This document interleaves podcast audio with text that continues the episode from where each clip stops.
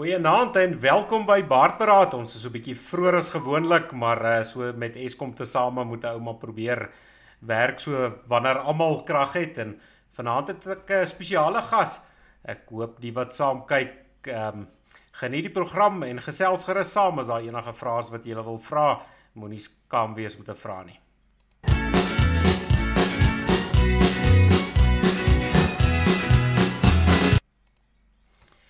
Goeienaand oom Louis. Ek sê nou gewoonlik vir Johan, welkom daar oor die Vuil rivier, maar oom is nou oor kan die Groot rivier. Goeienaand Alwyn en baie dankie. Dit is aangenaam en 'n voorreg om op jou program te verskyn. As ek wil nou net vir die mense sê, ehm um, ek het oom Louis daarom ontmoet op op 'n vorige toer, toe ek nou vir hom gesê, jy weet oom is vir my 'n groter eretitel as dokter, so vir die ouens wat wat kerm oor ek nou nie dokter sê nie. Ehm um, oom Louis is gelukkig met met met oom Louis. Ehm um, ek weet daar's baie mense wat baie keer met ons beklei.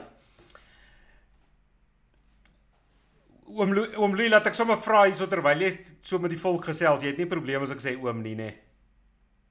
Nee wat glad nie, dankie albei. Ek is nou al oor die kinders sê hier hier in Oranje sê my oom Louis. As hy nee, maar dan sulke goeie geselskap as hulle as hulle oom so in Oranje noem, dan um, weet ek ek is op die regte pad. Ons gesels nou vanaand oor 'n oor 'n lekker uh, program. Maar uh, ja, kom ons val sommer met die deur in die huis. Ek het eintlik so 'n klompie vrae wat ek so tussenin wil vra uh, wat nie noodwendig alles oor die toer gaan nie. Maar oom is nou besig om 'n lekker toer te reël ehm um, hier vir Middelmaart. Ehm um, wat waar ou so 'n bietjie gaan loop op die op die spore van die ehm um, rebelle van 1914. Dis korrek Alwyn. Vertel 'n bietjie vir die mense, ek het daarso kan hulle sien daar op die skerm, daarso 'n bietjie ehm um, kontak besonderhede Ehm um, vertel 'n bietjie so in kort vir die mense waaroor gaan die toer en en ehm um, wat gebeur alles op die toer? Ja, ek meen ehm die ehm uh, agtergrond is die 1914-1915 rebellie. Uh, uh dit is nou nie die totale rebellie nie alhoewel ons hanteer dit uh, vlugtig net om die mense te oriënteer waar ons fokus veral op die ehm um, gebeure in die Noord-Kaap spesifiek. Dit is waar die eerste skote in die 1914 rebellie het by Appington geklap en die laaste skote het ook daar geklap. En uh ons uh fokus uh veral op die epiese woestyntog van generaal Kemp uh waar hy met 'n gro uh, groep Wes-Transvaalers uh al die pad gegaan het 700 km plus om by generaal Manny Maritz in die Duitsers aan te sluit. So ons hanteer dit en dan toe hulle bymekaar aangesluit het, het hulle begin met oorgrensoperasies en 'n uh, 'n paar plekke aangeval en oral sukses gehad, onoorwonde. Ja, dit is nou die die aangename deel van die rebellie is dat Kemp se komando ehm um, het onoorwonde in Duitswese aangekom, by Maritz aangesluit. Hulle was onoorwonde tot daardie laaste fatale aanval op die 24ste Januarie 1915 wat deur Jan Smuts moetswilliglik uitgelok is en wat totaal onnodig was. Die rebelle het al vroeër 'n wit vlag aangestuur en beselwe vrede maak. Maar ja, dit in kort, ehm um, dit is waarop ons fokus ja. alwen. Ons sal dan nou so op die einde van die program sal ons nou weer by die besonderhede vir julle deurgee. Wie kan julle skakel as julle hierdie toer wil meemaak? Die kostes en elke ding. Maar ehm um, die toer moet ek nou sê as ek het vroeër daar bakkiesblad toe ek nou oom se se nuwe ehm um, advertensie gesien het, toe sê ek nou dis nou 'n lekker geskiedenis toer met lekker mense en jy gaan by lekker plekke aan. Ehm um, ek dink dit is omtrent 'n kort opsomming van van wat daar gebeur. Ja, alwen dit is regtig uh, aan die een kant ehm um, is dit uh, die natuur van die Noord-Kaap uh, wat 'n mens kan ervaar. Uh, jy weet ons begin by Witstrand. Ehm uh, Witstrand is 'n gewilde toerisme bestemming ook met sy Witstrand, daai eienaardige natuurverskynsel daar in die Brilsand. Maar wat ehm uh, nie almal weet nie is dat daar op die 16 November 1914 ehm uh, 'n tamelike geveg daar was tussen die rebelle en die Unie troepe. Uh ja, ons beweeg langs die Oranje rivier daar rondom uh, uh, Appington, jy weet die die groen Kalahari vir die mense wat dit sien.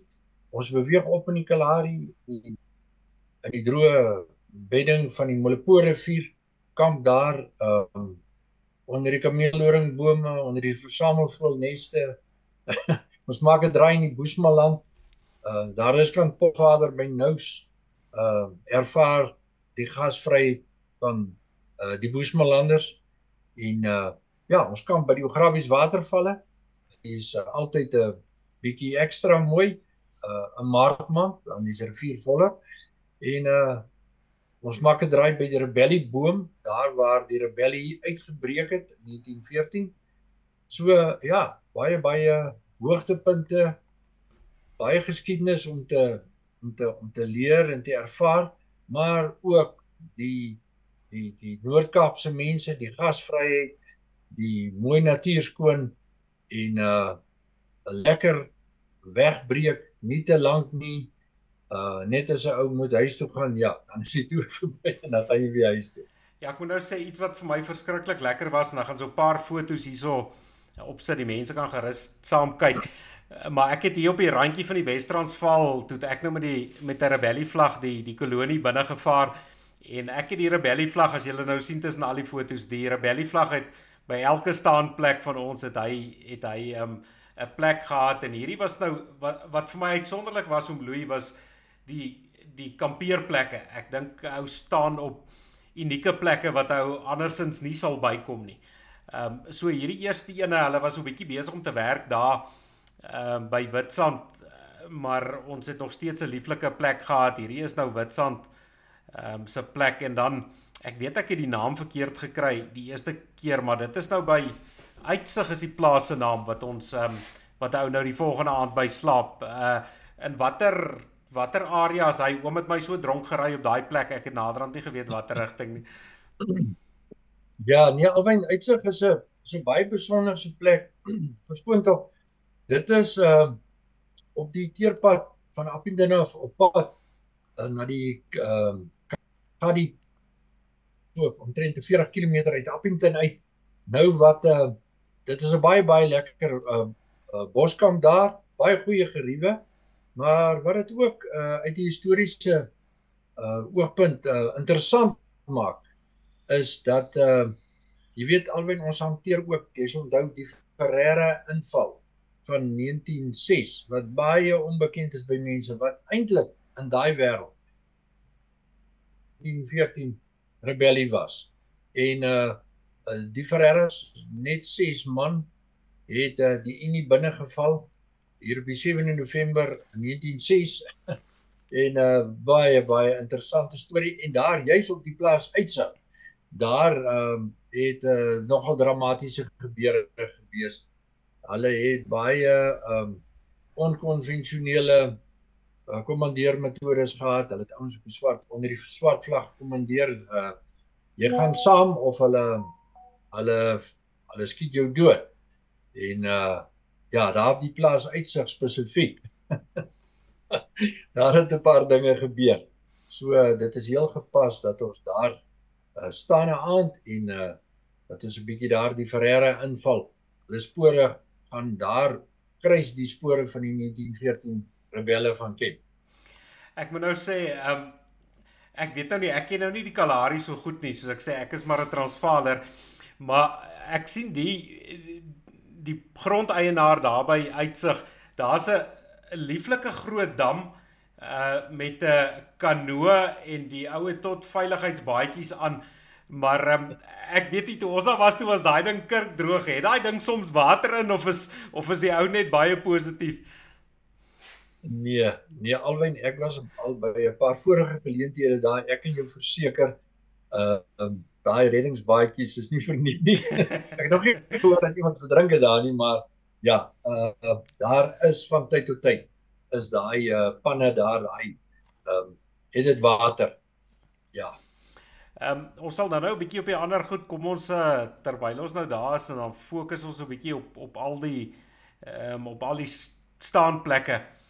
Nou hierdie was vir my unieke staanplek. Dit is daar by Swart Modder Ehm um, waar nou staan ons kan die ouens hom seker voor die tyd waarsku. Daar's nie geriewe nie. Daar's wel 'n uh, 'n tank met water waar jy nou die nodige kan doen met die water en daar's daarom ehm um, 'n toiletgeriewe so agter 'n duin, maar hierdie was nou vir my 'n unieke ervaring. Ek weet oom het in die begin so probeer voorbrand maak. Oom het nou nie geweet of almal daarvan hou nie, maar ek dink aan die einde van die toer ehm um, was dit almal se gunsteling staanplek was was hierso tussen die duine op Swartmodder. Ja, alwen dit is so ehm um, ander mense nou mense neem op die toer dan uh is dit nou altyd die een kamp waar hulle nou 'n bietjie vassteek van ja, daar's nou nie geriewe nie en uh hoe gaan dit nou wees en so en so en so en dit is presies soos wat jy dit ervaar het ook. Op die ou einde is dit nou die heel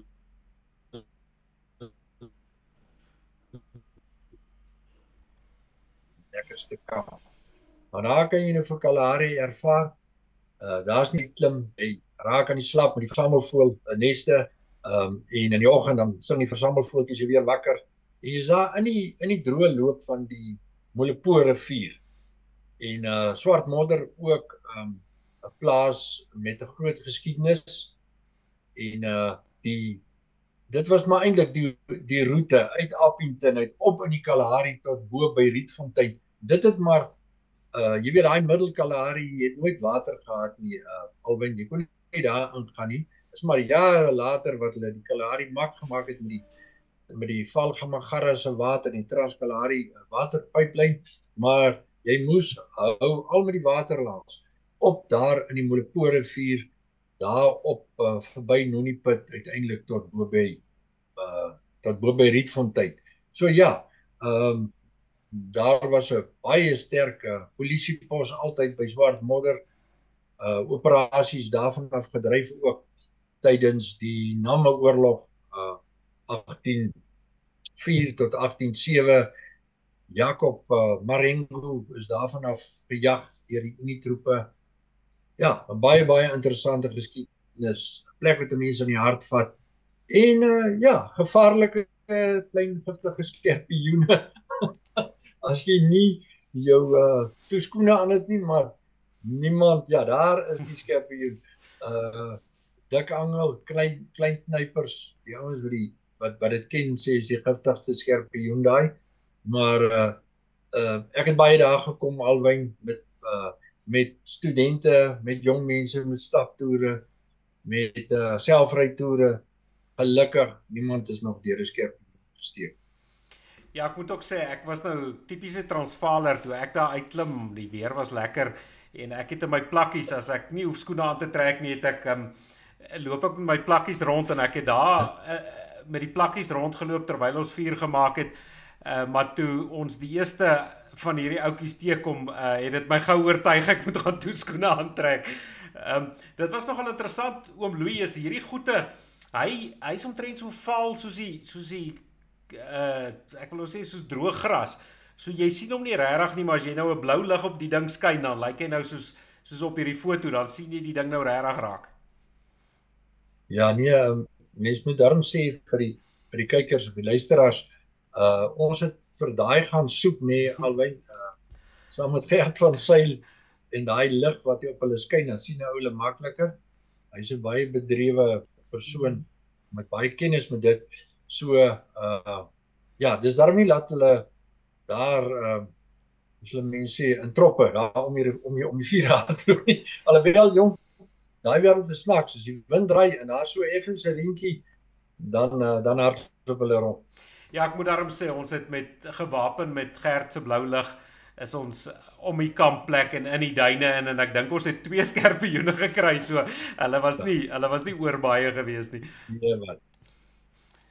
Dan nou my hierdie was vir my een van die hoogtepunte. Daar's eintlik so baie hoogtepunte op die op die toer ehm um, dat 'n ou moeilik kan kies. Ehm um, soos ek sê swart modder was beslis die die ehm um, my gunsteling kampeerplek, maar die plek wat my aan die hart gegryp het was nou hierdie ou ehm um, kameeldoringboom en dit is nou natuurlik die boom waar waar Mani die rebellie Mani Marits met die rebellie begin het. Ja, dit is 'n uh, is hy's hy's verklaar tot 'n nasionale gedenkwaardigheid alwin. Boomesplaas Paroos vlei vir die mense wat nie die wêreld ken nie, dit is plus minus so 30 35 km wes van Appington in die rigting van die Namibiese grens. En uh daar het generaal Mani Marits op die 9de Oktober ehm um, 1914 is interessant presies op die dag 15 jaar nadat die ultimatum uh in Pretoria by die Britse gesant afgelewer is uh, deur die Kree regering uh, presies op die datum 15 jaar later het Mani Marits daar 'n ultimatum aan die Botha Smits regering gestuur en die ultimatum het ook op presies weer 15 jaar later op die ehm um, op die op die 11de ehm um, Oktober uh, uh, 11de ja op die op, op, op die 11de Oktober ehm um, 1914 uh, het dit verval en toe het Mani Marits daar onder daai boom het hy op 'n kus geklim uh, sy magte was daar saamgetrek is omtrent 800 man ehm um, en uh, daar het hy gerebelleer en na die Duitsers toe amptelik oorgegaan en uh sy uniform uitgetrek. Hy was daai op daai stadium 'n luitenant-kolonel in die Unie verdedigingsmag en toe nou gesê wel hy's nou weer die boere-generaal. Uh Mani Marits en uh ja, het die rebellie daar uitgebreek onder daai boom. Ek moet daarom net vir die mense wat nou dink mense kan nou hierdie wêreld nou sommer so op jou eie aandurf. Ehm um, dit is nie heeltemal so maklik nie. Ehm um, soos om Louis nou gesê het, hierdie bome is is ehm um, op 'n plaas wat in privaat besit is en dit was vir my nogal lekker geweest om Louis ehm um, dat hier op die toer ek ek wil nou nie soos ek sê ou moet nou ou moet nou genoeg vertel om die mense opgewonde te maak maar ou wil ook nou nie ou wil ook nou nie alles vertel nie sodat die mense daarom die unieke ervaring kan hê as hulle die toer meemaak maar Ons het by 'n paar plekke aangedoen ehm um, en die rebellieboom was nou was natuurlik een van hulle waar jy nie vrye toegang het nie. Dit is op privaat grond. Ehm um, daar's hekke wat gesluit word. Uh, so as mens hierdie ding op jou eie probeer doen, gaan ou gaan ou klomp van hierdie plekkies mis. Ehm um, so dis maar beter om dit saam met 'n 'n groep te doen en dan word ou sommer meer ingelig oor oor wat daar gebeur het presies ook. Ja nee, albei dit het uh, ongelukkig het die lewe nou so geraak. Ehm um, boere is blootgestel aan baie probleme en baie uitdagings. En uh jy ry nie sommer net in 'n boer se veld in nie. En uh daai betrokke plaas moet 'n mens vooraf baie deeglik en voor die tyd moet jy reël om daar in te gaan. En dit geld ook 'n paar ander plekke. En uh ja, ag, wat help dit jy kom daar? Um, jy het nie 'n fiets wat jou kan voorlig nie. Um, ja, jy kry kry eintlik net moeilikheid daar met die boere. En uh is mos nou lekker in 'n groep en uh jy gaan van punt tot punt en jy hoor wat daar gebeur het, jy beleef dit saam met mense. Ja, ehm um, alwen die rebellieboom ek wil ek net sê jy weet met die 100 jaar herdenking in 2014 op die 9de Oktober op die uur presies ehm um, was sewe van ons onder die boom daar. En ehm um, het ons Mani Marits se toespraak wat hy min of meer gerig het tot sy manskappe het ons daar afgelees. En dit was regtig 'n wondervel oomblik in my lewe. Um, iets wat my altyd sal bybly. Ja, nee, soos ek sê, ek dink mense kan nie alle anders as om ek het so 'n bietjie eenkant gestaan op 'n stadium en uh net 'n bietjie stil geword daar. Um, dit is ek dink dit is 'n unieke ervaring. Ek dink dit is dis iets wat ou aan jou hart gryp. Um, as ou nou weet daarvan um, ek weet een van die van die manne wat wat nou saam met oom die toer meegemaak het, uh, was nou 'n vriend van my wat nou ongelukkig nou nie meer saam met ons is nie en hy hy het 'n roerende gebed daar onder die boom gedoen. Ehm um, op die dag en en soos ek sê ek het ook 'n bietjie gaan eenkant stil word en gedink aan ons ou makker Paul Kreer wat op daardie stadium saam met oom hulle die toer meegemaak het.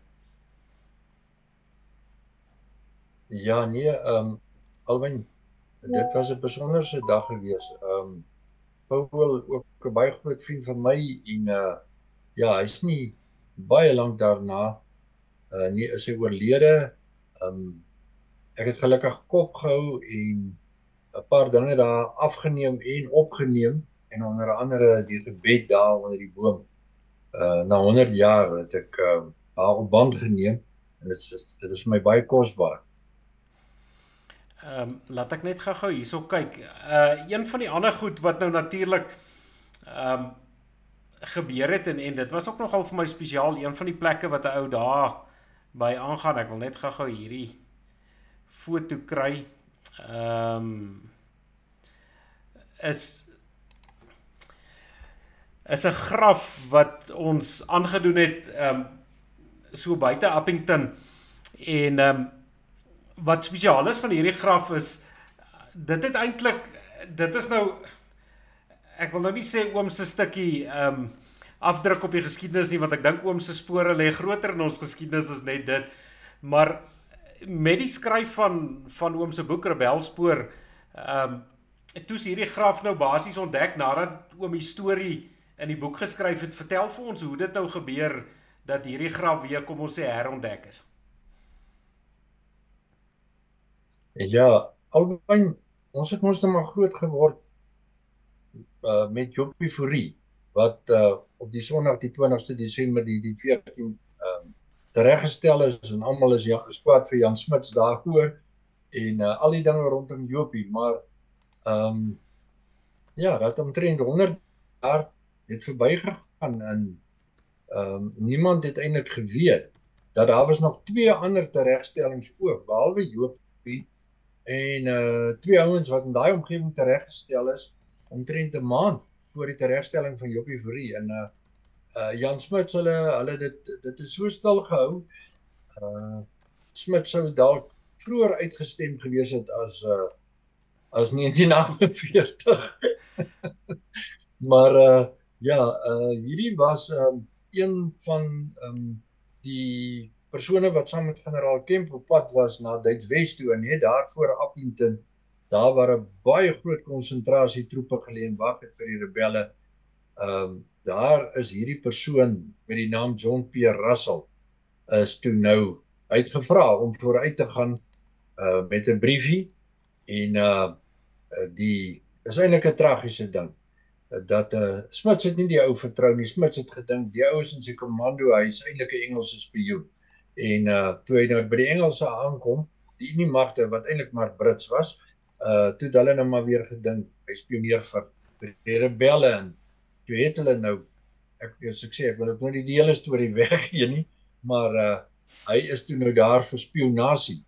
Is hy deur 'n veldkruisraad is hy haastig verhoor en uh hy is die volgende oggend is hy op daai plek is hy geskiet en uh ook um, die Ferreras wat natuurlik aangekeer is in 1906 en in 1970 dood veroordeel is hulle het met uniewording as hulle vrygelaat uh weer na die rebellie toe en een van hulle Piet Ferreira was ook in Kemp se komando en uh hy is ook vooruit met 'n groepie manne en so werklik waar, hulle vang hom omtrent daar op dieselfde plek waar hulle hom in 1906 ook gevang het.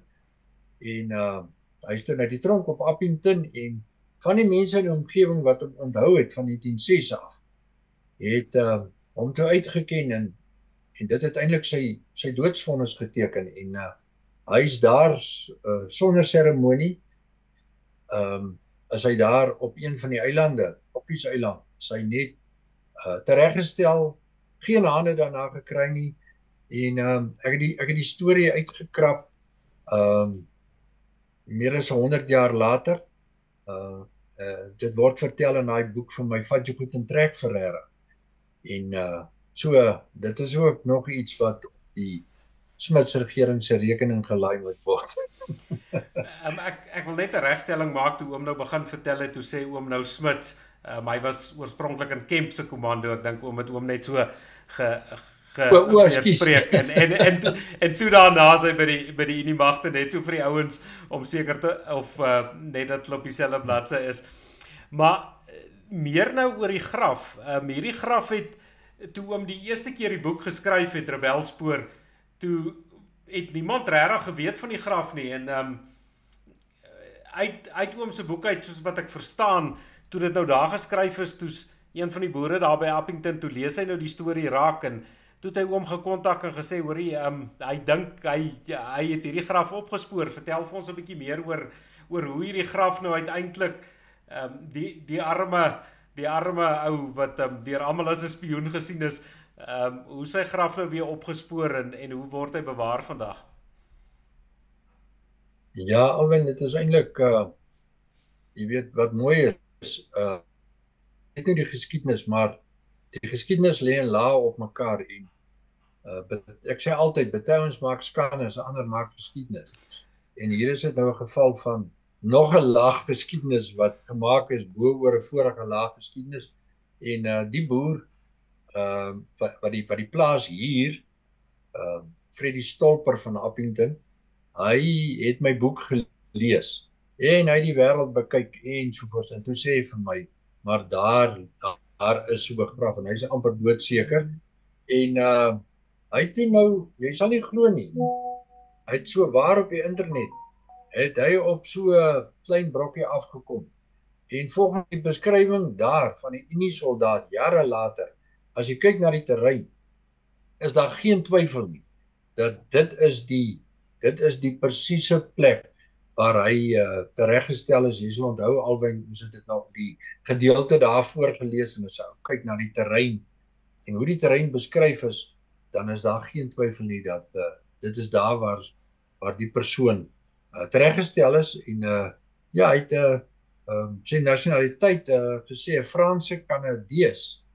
Uh het hom beskryf. Hy was voor die oorlog in die Wes-Transvaal en uh ja, uh 'n baie interessante interessante persoon en baie tragies die omstandighede uh waar hy daar nou sy dood tegemoet gegaan het.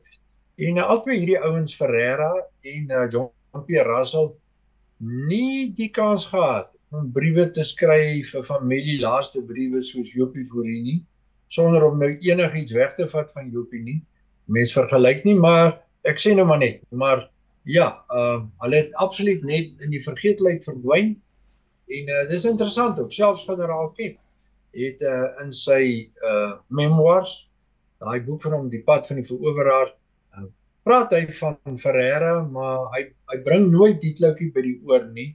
En uh ja, ehm uh, dis so half of uh hulle nie wou hê dat uh, die storie van 1914 moet moet nou uh, skade aangedien doen word deur deur ander ouens. Nee, ek uh, ek weet nie, maar die Ferreiras van 1906 is eintlik geweldig ingedoen deur die geskiedenis uh alwyn en selfs daai John P Russell ehm um, die boer het dit op eie onkoste het hy daai graf so herstel en uh uh koester hy dit en uh kyk daarna en dit is wonderlik en dit is maar weer bewys net as ons nie self na ons geskiedenis kyk nie wie anders sal. En uh ja, daar kan kan daar kan die kykers nou sien hoe pragtig het hy dit op eie onkoste gedoen. Word daar opgesit en uh, uh ja, ook nie maklik om da daar in te kom nie. Uh 'n mens moet maar reël in 'n hekke en 'n slotte en uh ja, maar uh ons was daar en uh altyd vir my altyd vir my iets wat my aan die hart gryp as ek daar kom. Ja, soos oom nou gesê het, um, ek wil net weer vir Freddy dankie sê en dit is een van die redes hoe ou hoekom ou hierdie toer moet meemaak. Hierdie is plekke wat ou gaan mis. As jy nie op die toer is nie, ry jy met die groot pad verby ehm um, 'n paar honderd meter van die plek af en jy weet nie daarvan nie. Um, soos oom Louw ook sê, die ons weet almal in hierdie riewe Suid-Afrika wat ons bly moet mens maar die goed toesluit. Ehm um, anders word jy vervreem van jou goed. So 'n uh, mens moet voor die tyd reël. En dis nou interessant as mens nou op die foto, hierdie is nou nie noodwendig 'n landskap foto nie. Ons het nou net van ons arme drommels daar wat die toer meegemaak het so foto geneem. Maar ehm um, dis nou soos oom sê, jy het nou hierdie unieke kom ons noem dit kliprandjie en dan het jy 'n duin wat hom aan hom ehm um, vas is aan die kant wat ou nie noodwendig kan sien nie. Eh, maar as mens die beskrywing van die plek lees dan uh, ek dink nie daar's verskriklik baie plekke wat wat so kan wees of so lyk nie en dan nog met die kruise wat daar is um, ek dink dan bestaan daar geen twyfel dat dat dit wel die regte plek is nie. Ja, alwen jy weet ehm um, dit is nou geskiedenis wat uh 110 jaar in die verskiet lê. Maar as jy daar kom, dit is eintlik die naaste wat jy aan daai geskiedenis kan kom is om daar op daai plek te gaan staan waar daai ou langs 'n oop graf gestaan het en uh geblinddoek word en 'n laaste sigaret vra uh, om te rook. Uh sy laaste boodskap hier daar skryf vir sy mense. Sy goed moes gaan na adres in Frankryk en ehm um, en, en en net so met die rebellieboom as jy daar kom, ehm uh, daar's iets daar. Ehm um, die die geskiedenis en die karakters praat met jou. Jy staan op die plek waar ehm um, 'n baie baie groot gebeurtenis in ons geskiedenis uitgebreek het. Uh die roete van generaal Kemp. Uh as jy daar gaan en jy sien uh wat het die rebelle deurgemaak? Dit is amper bo menslike poging wat hulle moes insit. En jy dink aan die geweldige sterk leierskap wat dit geverg het om daai mense daar ehm um, deur te vat. En ek meen dit is dit is 'n uh, een van die grootste militêre prestasies in ons in ons militêre geskiedenis alwyn. En uh, hoe tragies dat ons volk dit so verwaarloos het. Ehm um, nooit daaruit regtig geleer nie. Ehm um, geskiedenis wat baie op die agtergrond is en uh, ja, dis lekker dat 'n mens dit gaan afstof en dat uh daai mense wat goed en bloed opgeoffer het dat hulle die erkenning kry en dan die geweldige nalatenskap uh, die lesse. Jy weet alwen ek het 'n ek het so 'n hele leierskursus wat ek aanbied wat op generaal Kemp se roete gebaseer is. Uh hoe 'n klein groepie dit reg kry om uh 'n magter menigte te ontwyk en hulle doel te bereik. Uh dit is dit is net 'n ongelooflike prestasie gewees. Ja, oom het nou so 'n bietjie geraak aan aan hierdie ehm um tog van van Kemp. Ek dink daar's 'n boek wat sê die epiese woestyntog of dalk word dit net so beskryf in een van die boeke. Ek is kan nou nie lekker onthou nie, maar ehm um, dat oom het nogal 'n interessante ding genoem dat ehm um, ek dink is die Amerikaners wat daar by hulle leer college ehm um, wat hulle die ouens leer oor hierdie groot tog en en die waarde daarvan en wat daar gebeur het en en tog is daar baie mense hier by ons wat ehm um, nie die geskiedenis ken nie, maar maar oor die water leer hulle die ouens van van hoe taai hierdie klomp boere was wat daardeur daai dorre wêreld getoer het. Ja, Alwyn, dit is maar dieselfde wat gebeur het, jy weet met ehm uh, met generaal De Wet. Toe daai boek van hom uitkom, die stryd tussen boer en Brit, jy weet daai daai net na die vredesluiting is hy en generaal Botha en generaal Delaray is hulle mos oor ehm um, Britannia en Europa toe en op die skip begin dan al te weet die boek nou geskryf en ja, die die boek is onmiddellik in 'n klomp tale vertaal en mense het dit opgeraak. Ehm um, uh, ek weet hier ehm um, selfs in Suid-Afrika hier uh, in Duitsheid Wes-Afrika, jy weet net na die Anglo-Boereoorlog het die Duitsers te doen gekry met die oorlog teen die Namas en die uh Hereros. En daai Jacob Marengo uh van die Bonnelswarts Namas. Hy het generaal De Wet se boeke in die hande gekry. En uh ja, uh hy het self ook uh, baie natuurlike talent gehad, maar dit, moes hom on, on, ongetwyfeld gehelp het en geïnspireer het in in in sy stryd uh teen die Duitsers. En jy weet ook, ook op die ou einde uh uh 3 jaar in die veld. Uh net, net soos De Wet en uh nooit deur die Duitsers gevang of iets nie, het op die op die ou einde is hy is hy is hy deur die Engelse dood geskiet. Ehm um, so ja, um, daar is mense wat ehm um, generaal Kemp se epiese woestyn tog uh vergelyk met um, Hannibal se so tog oor die Alpe met die olifante. Ehm um, ja, uh die die die introepe self, uh, Louis Botha, mense wat op generaal Botha se staf gedien het en selfs uh, sy sy sy direkte teenstander uh, kolonel Ben Bouwer as jy gaan kyk in hulle memoirs wat watter hof het hulle vir generaal Kemp gehad ehm um, ja, dit is dit is net 'n ongeëwenaarde militêre prestasie. Ja, een van die interessante goed wat ek nou nie geweet het nie, ehm um, as ek dink oom het genoem dat dit die eerste keer in Suid-Afrika was waar daar voertuie ingespan was. Ehm um, hierdie klomp ouens wat nou voertuie om die manne met die perde uh moeg te jag uh, wat nou nie heeltemal so suksesvol was nie. Ehm um, die goed was ook nogal redelik uitdagings gehad. Uh maar dit maak dit nog meer merkwaardig as mens nou kyk ehm um, gedurende die Tweede Vryheidsoorlog hoe die ouens nou nie te veel bekommerd gewees oor die karre nie. Ehm um, al goed wat daar geloop het het het op 'n spoor geloop so hulle was redelik seker ja. waar daai ding heen loop. Ehm um, maar ja, as ek gou 'n bietjie daaraan kan raak, ek dink dit sal dalk interessant wees vir die mense. Ja, alwen dit is dit is baie interessant. In, in 1914 toe was dames nou al die motor die motor en ook nou die vliegtuig nog nie in Suid-Afrika nie, alhoewel al die Duitsers het op daai stadium hulle het vliegtye uh, gebruik teen die Unie magte toe die Unie magte hulle uh, ingeval het. Hulle het vliegtye gehad. Maar ehm um, ja, vir al die ehm uh, die motor, die motor was ehm um, 'n uh, nuwe oorlogsmiddel wat teen die rebelle gebruik was. Ehm um, moet nou nie 'n fout maak nie. Kim se kommando het ook 'n motor by hulle gehad. wat een motor wat nou as ambulans moes dien, maar uh hulle die motor is uh, maar meestal getrek deur osse want hulle het maar brandstof bespaar. Uh, 'n uh, Mens weet nou nie eintlik regtig waarheen moes die motor jaag met die gewondes nie. Uh maar ja, hulle het 'n motor gehad en uh, maar die die die Unie troepe was baie goed toegerus. Daar was 'n 'n special motor transport contingent wat gevorm is in uh, Johannesburg. En uh, daai motors, uh, baie was privaat motors wat tot die beskikking van die Unie regering gestel is.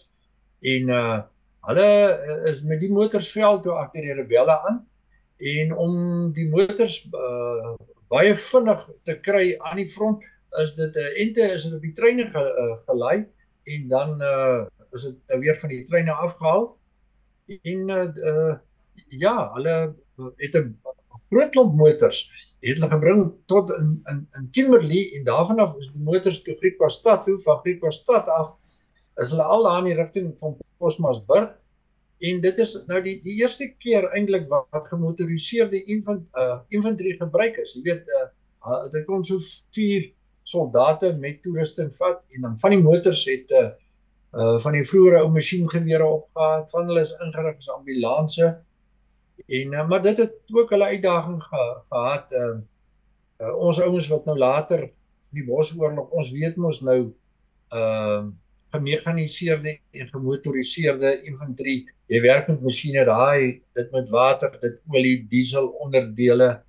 Ehm um, geweldige uitdaging en dis weer 'n ander spesialis deel van die weermag wat moet saam gaan werk te kundiges uh om daai voertuie op die pad te hou.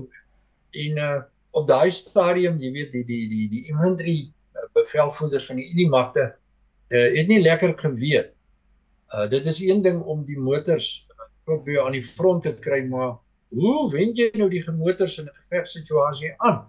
En uh, gelukkig vir Kemp het daar uh die groot motor kontingent en 2000 van die Transvaal Scotties wat hom probeer voorkeer het uh het daar so onmin onder die Unie uh offisiere en die bevelvoerders van die motors ontstaan dat daar was amper 'n muitery.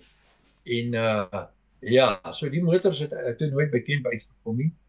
Um later wel uh toe kom by Appington verby is al uh dis van die motors gestuur te by Appington en Louis Botha homself, generaal Louis Botha homself. Hy het verkemp agter agterna gesit met uh met van die motors. Maar uh ja, die rebelle het hulle afgeskit. Uh ons het later gesien seker so 2 weke later is hulle ook met die motorkarre uh generaal Koen Brits is hy agter generaal De Wet aan met die en baie mense dink uh dit is die motors wat generaal De Wet hom gevang het, maar dit is nie. Uh De Wet is op die ou ende deur 'n brede komando van kolonel Jordan is hy daar by Waterbury gevang. Maar dit is wel so dat die motors uh het uh, De Wet se se komando baie uitgeput. uh De Wet het gou die situasie opgesom en gesien wat is die probleme van die die motors? Jy weet daai ou motors het het het, het baie gou gekook, uh swaar getrek in die sand en De Wet het gesien as hy uh op die swaarste sand gaan in waar die digste uh bosse en goed is, jy weet blinkblaar wag 'n bietjie hak en steek, dan bring dit die motor se spoed af tot omtrent dieselfde spoed van die perd. En uh ja, en uh die motor sit vas, hulle kook en uh op die manier uh die wet het die motors afgeskit. Maar nou ja, dit het hom tog uitgeput. Ek moet nou sê ja, een van die uh, ons het nou oor 'n paar van daai goed gepraat en dan hierdie is nou net so ek kon nou nie 'n regtig mooi foto kry van um, die kampplek nie, maar dit is nou daar by Ograbies. Ons moet dan net wys ons het die vlag gekry. So dit is een van die plekke waar ou daar in die reservaat oorslaap. Ehm um, ek weet nou nie, toe ons daar was toe was ons nou so 'n bietjie voor die reën, so die valle was nou nie te wild nie. Ehm um, ek neem aan hier Maart maand wel Februarie kan mens nog dalk reën hierbo kry. So die watervalle kan dalk redelik mooi wees daar in Ograbies ehm um, teen die tyd van Oomle se toer.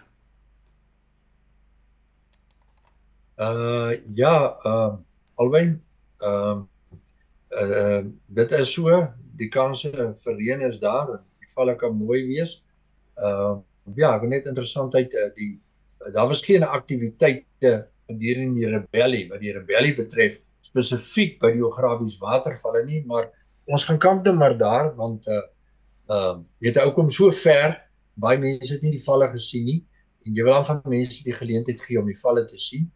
Maar uh Kakamas omgewing rebellie wêreld, ehm um, dis die wêreld van die Kakamas rebelle komando en die groot rebel ook 'n man wat in die breër geskiedenis ehm um, nie sy regmatige plek gekry het nie is uh kommandant Albert Johannes van Jaarsveld Stadler, die aanvoerder van die Kakamas komando.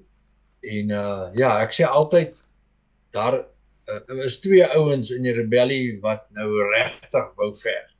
En wat dit gedoen het ook en dit is dit was Jopie Fourie en dit was hierdie Stadler soos generaal Kemp gesê het, roekeloos onverskrokke Stadler ja, ek moet sê ek wou nog uh, by hom uitkom soos nou goed oom het geraak daaraan. Ehm um, en as mens nou gaan lees, dit was nou 'n uh, dit was nou eintlik 'n hoe sal mens nou sê 'n kleurvolle karakter was was kommandant Stadler gewees en ehm um, dan besoek word ook besoek afgelê by sy graf. Ehm um, en ek wil nou nie ek wil nou nie vertel wat daar gebeur nie, maar ek, ek dink nie die mense kan hulle regmaak daar by die graf vir 'n roerende oomblik. Ehm um, ek dink dit dit was ook een van die spesiale gedeeltes uh van die toer. Ons hoef nou nie die kat uit die sak uit te te laat nie, maar ehm um, jy weet ek dink dis ook 'n spesiale plek om by aan te doen. Ja nee, uh absoluut uh alwen om daar uh by daai groot man se graf te gaan staan en uh ja, sonder om nou uit te lap uh die eerbetoon wat ons nou altyd daai het, die spesiale eerbetoon soms is die stadler familie is hulle daar en uh hulle kom ook uh en mense ontmoet hulle en het hulle monde uit hoor jy ook oor die kommandant en stories. Maar uh jy weet hoe ek die navorsing gedoen het en ek het die eerste maal daar by stadler se indrukwekkende graf gekom. Uh die woorde wat daar staan. Elkeen wat hier verbygaan gaan gaan vertel aan almal.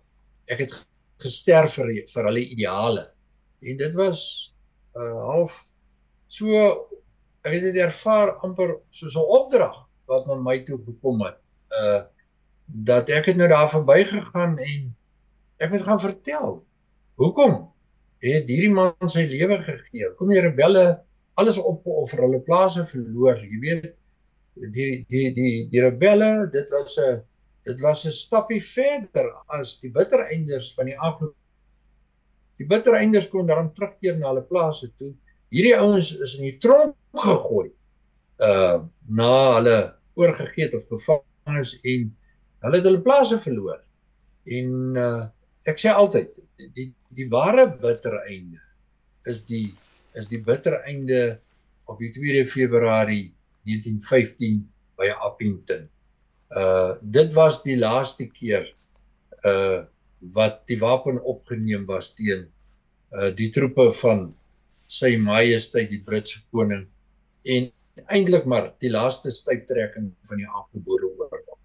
En uh dit dit behoort eintlik die bitter einde te wees want jy weet 192 ehm um, generaal Louis Botha, generaal Jan Spitz, al die ouens het maar bitter einde status en, en dit is so maar ja, uh 1915 daar is die kaf reg van die korrels geskei. Dis die manne wat die heel laaste gestaan het. Ja, as ons nou die mense so bietjie wat wat belangstel om die toer, ons sal nou by die toer se besonderhede nou goed kom. Maar uh, mense wat belangstel, dit sal goed wees as hulle 'n bietjie huiswerk doen. Ehm um, as 'n jy weet daar's so daar's so 'n bietjie goed wat hy ou kan lees voor die tyd, twee boeke wat oom geskryf het wat hy ou kan lees ter voorbereiding vir die toer en um, ek moet sê ek het ander een daarby oom op die toer gekry en toe kom ek agter my boek wat ek gelees het um, is nou al so lank op my boekrak dat oom nou al weer 'n stuk bygeskryf het by hom. Ehm um, maar dit help tog as mens hierdie twee boeke vir vir die ehm um, voor die tyd lees om 'n ou 'n bietjie agtergrond te gee, dan verstaan hy nou 'n bietjie beter. Ehm um, wat se wat se twee boeke moet die of kan die mense lees voor hulle die toer meemaak? Ja, ag uh, alwen eintlik jy weet vir mense wat nou baie ernstig is, ernstige bemoeienis met die geskiedenis maak, sal ek sê lees eers wat jy goed in trek vir Herre. Dan kry jy sommer die volledige uh aanloop en verloop van die Jameson inval ook 'n stuk geskiedenis wat ons maar baie afgeskeep het. Maar as jy vir hom baie mooi verstaan, dan verstaan jy die Anglo-Boereoorlog die Tweede Vryheidsoorlog 'n bietjie anders. En uh uh, uh, uh daar is van die karakters die Jameson inval wat net so weer voorkom in die Ferreira inval van 1906 wat baie baie onbekend is. En soos ek sê 1906 die Ferreira inval, dit is dis ongelooflik hoe daai ouens oor die grens gekom het, mense opgekommandeer het en gesê het oorlog het tussen Engeland en Duitsland uitgebreek en ons is die eerste groepe wat oorkom van Romani, Marits lê aan die ander kant. Uh hy gaan ook rebelleer en daar kom 'n komando uit die Transvaal uit. dit is presies hoe dit in 1914 gebeur het. Uh dit is dis net ongelooflik. Uh so 'n mens moet uh eintlik eintlik moes ek daai boek eers geskryf het uh, alwen maar jong dit is maar hoe dit nou gebeur. Uh jy kan soms deur skrywers voor jou in 'n rigting gesleep word. En uh ja dit is maar mense lees die gesaghebende bronne en uh, al daai ouens het die verre inval uh eintlik maar net as onbenullig weglaatbaar en selfs 'n voetnoot gehanteer maar toe ek aan dit begin grawe toe sien ek nee wag 'n bietjie hier's 'n baie belangrike stukkie uh, in die legkaart en en dit is hoe ek agtergekom het maar daar's nog ehm um, rebelle in 1914 tereggestel het was nou nie net Jopie nie. En dan die een wat daar volg is eintlik nou rebelspoor die boere opstand 1914 tot 1915 ehm uh, wat die hele opstand ehm um, hanteer met sy aanloop sy verloop en sy afloop ek trek dit deur reg deur tot uh by uh die nuwe Suid-Afrika want uh uh jy weet jy kan nie net by die rebellie eindig nie. Die rebellie was omdat hulle nie Duits Wes wou inval vir die vir die vir die vir Brittanje nie, so toe die rebellie onderdruk is, het Jan Smits en Louis Botha aangegaan en hulle daai soos wat dit uh, genoem is in die telegram met die urgent imperial service het hulle gaan doen En dit is hoe ons Duits Suidwes-Afrika gekry het en Suidwes-Afrika en die hele Suidwes-Afrika kwessie uh wat later 'n uh, 'n uh, 'n uh, 'n uh, voortsleepende internasionale uh, kwessie geraak het en uh ja, uh, op die ou einde ons was nou nie in die rebellie nie, uh, alwen ons is ons is te laat gebore, maar ons was daarom betyds vir daai 23 jaar se oorlog. En dit was die nalatenskap van Louis Botha en Jan Smuts dat die rebelle se nalatenskap is die republikeinse vryheidsideaal.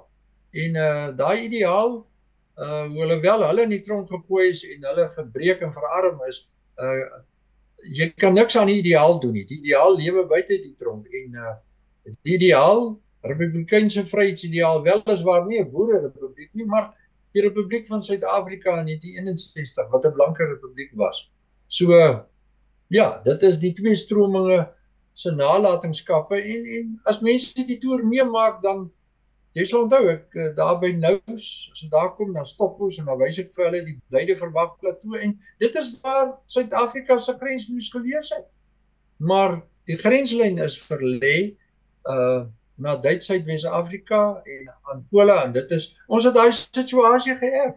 En die ironie is 75 jaar later moes ons terugkom na ons eie land toe en so het ons die mag in ons eie land ook verloor. Uh en en en uh dit is die lekker deel om te vertel van die rebellie. Uh ons volk word so um uh uitgekry en verneder oor apartheid en so aan maar die rebelle van 1914 het die morele hoëgrond gehad. Dit is immoreel om 'n ander land wat jy niks gedoen het te gaan inval. En uh ja, en en dit is die nalatenskap van die as die morele hoëgrond en En dit is wat ons nou moet soek.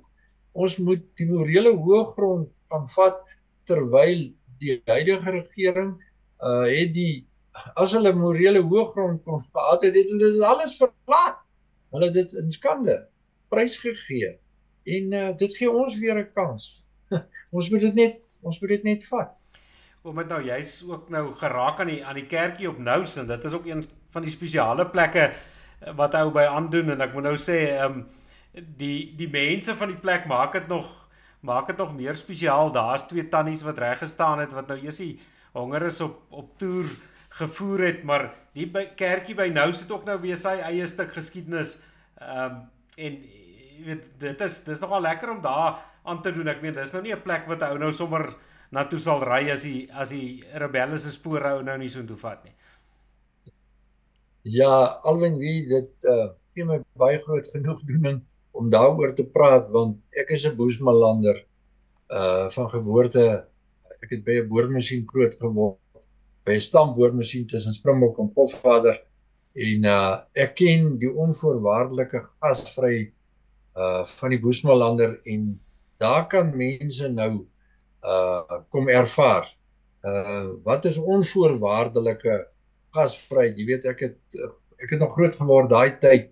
Ehm um, jy uh, vertrou 'n uh, ou met jou lewe as hy vir jou sê hy betaal jou dan betaal hy jou. Daar is nie eers 'n kwessie nie en uh ja, dit is dit is hoe daardie wêreld se mense is uh gelouter deur die droogte. Ehm um, geleer baie nodig maar kom met die minimum klaar en uh 'n sekere soort mens wat in daai harde ou wêreld kan lewe. En uh, ja, daar kan 'n mens boesman se gras gasvryheid ervaar. En ja, ook 'n stukkie unieke geskiedenis daar wat ons gaan aan die vergeetlikheid ontruk het is die is die nous lied van die rebellie. Dis 'n rebelle lied wat net daar gesing was. En uh ons het uh ons het dit gaan afstof en uh, herstel en mense kan daar in die kerk, jy kan hulle weer luister na die nouslied van die rebellie waar daar die draak gesteek word met die Unie magte. Nous natuurlik uh, die grootste oorwinning wat die rebelle in 1914 behaal het. Jy weet almal dink net ja, dit was 'n mislukking met die wapen. Dis nie heeltemal waar nie alwen die die rebelle het verskeie oorwinnings behaal in 1914. Oom Louis, ek sien Piet Muskiet vra hierso, ehm um, wat saamgesels. Hy vra of Dok dalk weet hoe het Kanon Eiland sy naam gekry. Uh ja, het ek vir Piet sê, ek is nou nie autoriteit, ek het nou spesifiek daai geskiedenis ehm um, nagevors nie maar blykbaar van die storie dat dit was ehm um, uh vroeër hier in die 1800s uh was daar 'n geveg met die Koranas uh 'n Korana kaptein wat ehm uh, die eiland beset het en uh, hulle was daar slaags met 'n uh, afdeling soldate van die Kaapkolonie en uh die storie wil dit hê dat hulle besluit het hulle maak ook 'n kanon en uh, hulle het glo daar 'n kanon gemaak met 'n uh, van 'n garingboom. Uh, die paal is mos nou hol in die middel En uh elk geval en hom toe ook nou gelei en uh met swart kruit en so aan en nou ja, toe die skoot nou loop, kan jy nou dink die vreeslike ontploffing en almal wat by die kanon was, is dit nou plat geskiet en dood en vermink. Maar toe die stof nou so gaan lê en almal kom dit verhaal, toe sê die Korana kaptein vir die manne wat nog daar lewe, toe sê kerels, uh as dit hier by ons so lyk, dan kan wil julle nie weet hoe lyk dit hulle kan. daar daar's nou 'n lekker stukkie wat ek nou nie geweet het nie. Baie interessant. Ja, ek, ek wil nou net vir die ouens um, nooi terwyl ons nou praat oor swartkruit en kanonne en so aan. Jy weet as jy nou wil sien hoe swartkruit kanon skiet kom kom woon gerus ook maar Juba by. Ehm um, dan kan nou sommer so van my Juba se kant af so deurtrek na die Noord-Kaap toe en daar by oom Louie gaan aansluit. Ehm um, oom Louie, ehm um, die ekskuus, kom ons kom net gou-gou laat ek by die regte ehm um, plek uitkom. Kom ons begin eers voor ons by die toer se besonderhede uitkom. As mense van jou boeke wil bestel en jy het nou al jy het nou al so 'n hele paar geskryf. Ehm um, hoe doen hulle dit? Hoe gaan hulle te werk om om 'n boek by jou te kry vir al die ouens wat dat dalk nou saam op toer wil gaan wil wat so 'n bietjie wil lees voor die tyd?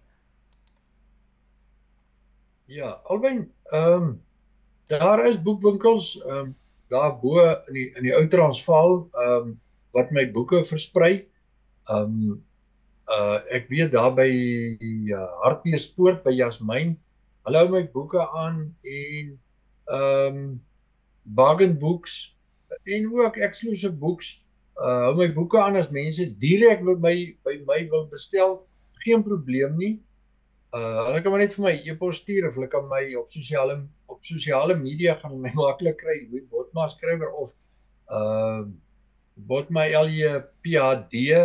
Um daar is 'n aanlyn winkel. Ek het 'n aanlyn winkel, so hulle kan maar net uh, gaan daar, hulle sal die skakels kry en uh ja, baie vinnig deesdae uh dis ook een van die van die bedekte seëninge is die ineenstorting van die poskantoor dat dit die koerierdienste op die voorgrond gestoot en ja, van die koerierdienste verskyn dit 'n uh, is dit baie makliker en vinniger en betroubaarder om, om boeke te te versprei so uh, met die koerier is dit baie gou om 'n getekende boek by by iemand uit te kry. Ja, so so mense kan direk by my, my bestel. Ek is op die oomblik uh, in Oranje gestasioneer.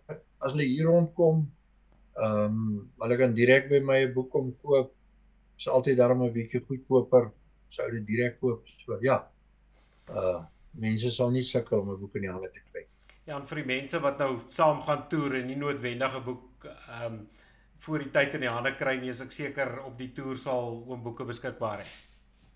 Ja. Ja, alwen dis dis lekker as 'n ou voor die tyd uh, ek meen dit vat 'n rukkie om deur daai boeke te gaan. Dis nou nie Dis nou nie hy romans nie. dit is dis navorsing. So uh is nie altyd so maklik om te verteer nie, maar uh dit is dis ongelooflik. Ek het gevind ook jy kan nou maar alle gesaghebende boeke oor 'n veldslag of onder 'n onderwerp lees. Alwyn daar's niks wat daarby kom soos om op die terrein te kom nie. Jy weet uh deesdae met met die nuwe tegnologie, die Google Earth en daai goed Uh ja, dit maak dit makliker. Nie almal kan so intoe reis nie, maar jy was self daar, jy weet, jy moet 'n plek se atmosfeer voel. Jy moet sy diepte moet jy sien en sy karakter en dit is net net totaal anders. Ek meen uh wie wil nou getroud wees met 'n vrou uh wat hy net so op 'n uh, op die, op die internet uh, sien of uh, wat hy nou meer, jy weet op sosiale media 'n mens moet mos darm die die die persoon in lewende lywe ontmoet. En dit is dieselfde albei. Jy moet die geskiedenis ontmoet. Jy moet daar staan waar Marits gestaan het en uh op daai selfde sand, op daai terrein waar die rebelle geloop het. Daar's niks wat dit kan vervang nie albei.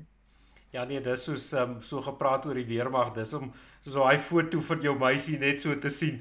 En daai tyd was daar nou nog nie die tegnologie nie, maar dis omtrent ehm um, jy jy onthou hoe sy lyk, like, maar dit is net nie dieselfde nie. Dit is Ja, nee wat, nee wat albei nee.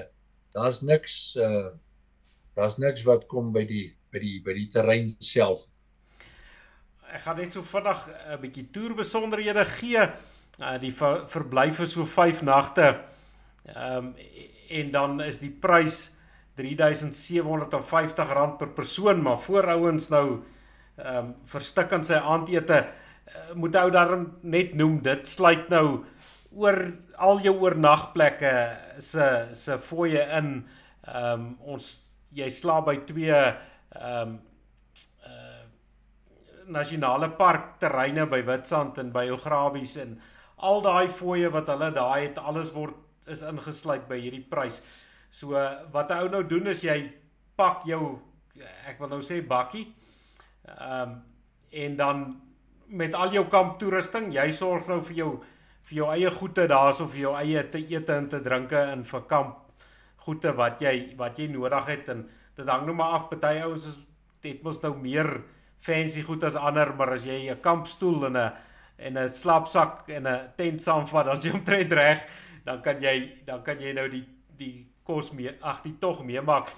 Oom Louis maar een ding ek sê nou nogal vir baie mense wat my vra en die toer was nou baie lekker. Ehm um, maar ek moet nou erken ek het in my lewe nog nie so baie grondpad gery in so kort stukkie soos daar in die Noord-Kaap nie. So die mense moet dan seker maak as hulle nou die toer meemaak dat hulle dan met 'n voertuig ehm um, opdaag wat 'n wat 'n pad kan vat. Ja, alwen Ja, dit is nou maar grondpaaie, jy weet, dis daar van die paaie word is is regtig in 'n goeie toestand, ander is in 'n minder goeie toestand. Ons ry daarom ook groot stukke stukke teer. Uh en uh 'n viertrek voertuig is nie nodig nie. Daar is nêrens plekke wat jy nou uh 'n 4x4 voertuig nodig het nie. En uh ja, dit dit maak dit eintlik um vir mense wat nou nie uh, jy weet almal van ons is nie ewe goed toegerus uh, met kamp uh, toerusting goed nie. En uh, soos jy ook laas ervaar ja daar daar kom mense aan. Hulle is baie ernstige ehm uh, buitelewe mense. En uh ja die ouens help mekaar geweldig. Ons het uh, ja op julle toer ons is uh ons het nie eers een papwiel gekry nie. Die vorige toer het ons 'n paar papwiele gekry maar nou moet ek ook sê jy weet daar het ouens opgedag met met bande jy weet uh daai daai band het net gewag om eintlik pad te raak. En uh 'n mens moet maar uh, maar kyk jy goed reg is. Uh en en jy ook waantjies uh sekere waantjies, joh. Uh die oomblik wat hy op 'n grondpad kom, dan uh dis of hulle disintegreer. en uh ja, so mense moet maar uh moet maar voorbereid gaan, maar ja, jy hoef nie jy hoef nie 'n vreeslike ernstige kamper te wees om dit toe mee te maak en te geniet nie. En uh, uh gewoonlik, jy weet die mense wat op so 'n toer kom as 'n dis 'n sekere soort mens. Hy's lief vir natuur, hy's lief vir die geskiedenis en uh ja, ek het al 'n hele paar toere. Ek het nog ons het nog nooit iemand gehad wat wat nie regtig ingeskakel het nie en uh almal help almal en uh ja, jy weet die ouens is maar verantwoordelik vir jou eie etes en goed, maar die meeste van die tyd uh, is is die mense saam om die vuur en gesels en maak nuwe uh, vriendskapsbande. Ja, dit is dis dis net dis net baie baie lekker. Ja nee, en um, soos oom sê, ek is ook met 'n gewone bakkie daar. Dit is nie 'n 4x4 ehm um, ding nie. Ek dink nou nie ek moet dit met 'n laakkarretjie noodwendig doen nie. Ek weet nie dink daai karretjie gaan so daarom maar ek dink met sekere voertuie wat net 'n redelike groot grondvry hoogte het dan dan sal jy gedoen wees maar ons het soos om sê ek het my gewone bakkie het oral aangekom en as jy as jy 'n tent saamvat en 'n kampstoel en jou slaap en jou eetgoed dan dan het jy eintlik niks meer nodig nie. Jy hoef nie jy hoef nie verskriklik meer as dit as dit saam te vat nie. Um en dit ja dit maak dit baie lekker en is nou goed om praat so van die mense. Ons het nou daar by Witstrand ehm um, die begin die mense moet maar net kyk daai vuur as jy jou klaar vuur gemaak het hier in die nag kom vrede gemsbokke jou vuur se as op. Dit was nou iets wat eerste keer wat ek dit ervaar het daar by Witstrand, maar ja. ehm um, by Witstrand was die mense nog so bietjie ehm um, so bietjie styf met mekaar want dis nou die eerste keer wat jy mekaar in die oë kyk. Uh, maar soos die soos die toer aangaan en nou raak vriende, ek meen nou braai elke aand saam in die ouens bring die ou bringe die en daai en die ouens eet gewoonlik saam en dit is ehm um, ja, dis net lekker. Daar's nie en daar's nie fiteriasies nie. Moet sê die groep wat ons gegaan het was daar nie aansitterige mense nie. Almal is ehm um, almal is gewone plat op die aarde mense en en die kuier ehm uh, met die mense is ook 'n groot deel van die toer want soos oom sê, ehm um, dis 'n sekere soort mens wat wat dit bywoon. En as jy daar kom dan dan is hy sommer gou vriende want jy kom agter almal is maar net soos jy. Ja, nee wat alwyn en uh, uh, uh jy weet 'n mens uh dit is dis lekker jy jy kom uit jou omgewing uit jy kom bietjie uh met ander mense wat ander dinge doen en wat in 'n ander kringe beweeg. Kom jy 'n slag uh in aanraking en uh ja, daar's 'n wonderlike kruisbestuiving van idees en goed en ja, selfs vir my wat nou die area al baie goed ken en ehm um, wat nou die storie ken en die storie vertel elke keer nog steeds sien ek um iets wat ek nog nooit besef het of ingesien het nie of iemand daar op die toer laat val iets of hy vra iets en uh dan sien jy my wêreld maar hier is 'n ander invalshoek en dit is mos nou die wonderlike ding van die geskiedenis. Uh daar's mos nie net een geskiedenis nie en uh die geskiedenis is is mos nooit klaar nie. Dit um laat altyd iets vir die volgende ou wat wil kom krap daarso kom navorsing doen. Dit maak dit mos nou maak dit mos nou baie lekker. Ek sien op Bakkiesblad mense wat nou wil wil deelneem op Bakkiesblad of Facebook soos die meeste mense die ding ken. Ehm um, kan jy net gaan soek vir 'n belspoor toere en dan ehm um, ek gaan net daar oopmaak daai ding nou sonder die baardberaad gedeelte. Daai foto kan jy net voor kyk. Hy is daar op Ehm um, en dan kan die mense al hulle al die inligting daar kry oor hoe ou betrokke raak ehm um, of hoe ou kan bespreek. Het oom op ander plekke ook of is dit basies net op bakkiesblad wat hierdie ding gedeel word? Ja, ag nee wat alwen ek het maar eintlik maar net daar en verder is dit nou maar mondelings. Jy weet ehm um, mense wat nou reeds daar was vir hierdie jaar, daar is mense wat nou weer geboek het, hulle gaan weer en uh ja, uh, hulle versprei maar die woord, maar daar is die besonderhede, daar's my kontak besonderhede, mense kan maar net uh uh my kontak en so gou as moontlik, jy weet as 'n as 'n as 'n mens oorbetaal het, dan weet jy, jou plek is jou plek is bespreek en dit dit dit gee vir my ook die gemoedsrus want jy weet 'n mens wil nie op 'n situasie kom waar jy nou sê nee maar jy moet nou jy moet nou die toer kanselleer of jy moet nou ons geld nou teruggee of wat ook al nie. Uh jy weet weet maar hoe gaan dit uh, baie ouens kan jou nou in 'n lentjie hou. Uh nie altyd moetswilliglik nie, maar is omstandighede en uh, op die nippertjie dan gebeur daar 'n ding en dan moet 'n persoon nou kanselleer en so aan en nou wil nie so 'n situasie hê nie. Uh maar daar sê albei um, ek ek wil net so ek hoop ek sien 'n paar Ja, ek ek wil net so ehm um, van die besonderhede net uitlees hoe Louis uh partykeer luister die mense na ons op Spotify ook so hulle kyk nie noodwendig na die video nie. Hulle luister net hoe ons gesels. So ek gaan hierdie goed net um so deurgee vir die mense wat dan wil um so bespreek kan julle 'n uh, e-pos stuur na botma.ly by mweb.co.za dis botma.ly www.co.za of jy kan 'n WhatsApp boodskap stuur of 'n uh, eh, of sommer vir oom Louis bel op 083 272 8734. En as jy nou gemis het, as jy nou of jy het nou nie 'n griffel by jou gehad om neer te skryf nie, kan jy maar net gaan kyk op Rebelspoor toer op Bakkiesblad. Ehm um, daar's al die inligting ook beskikbaar. Daar sê Alwyn, baie dankie. Ek uh, lei af dis die einde van ons gesprek. Uh, dankie uh, vir die geleentheid um, om uh, saam met jou te kuier.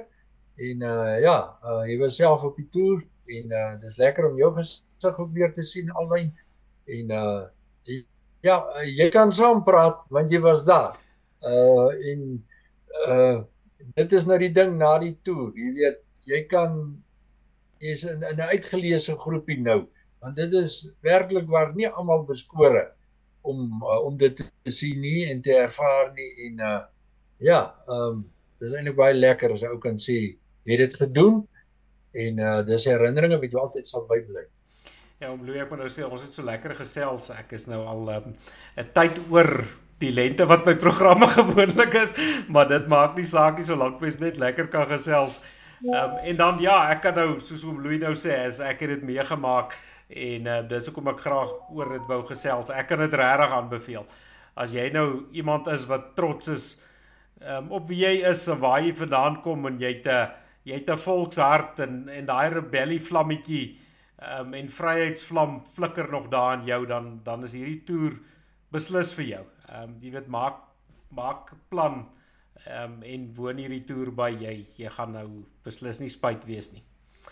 Soos my soos gewoonlik is dit dan van my kant af alles van die beeste en groente op die plaas. Dankie albei. Dankie vir die luisteraar.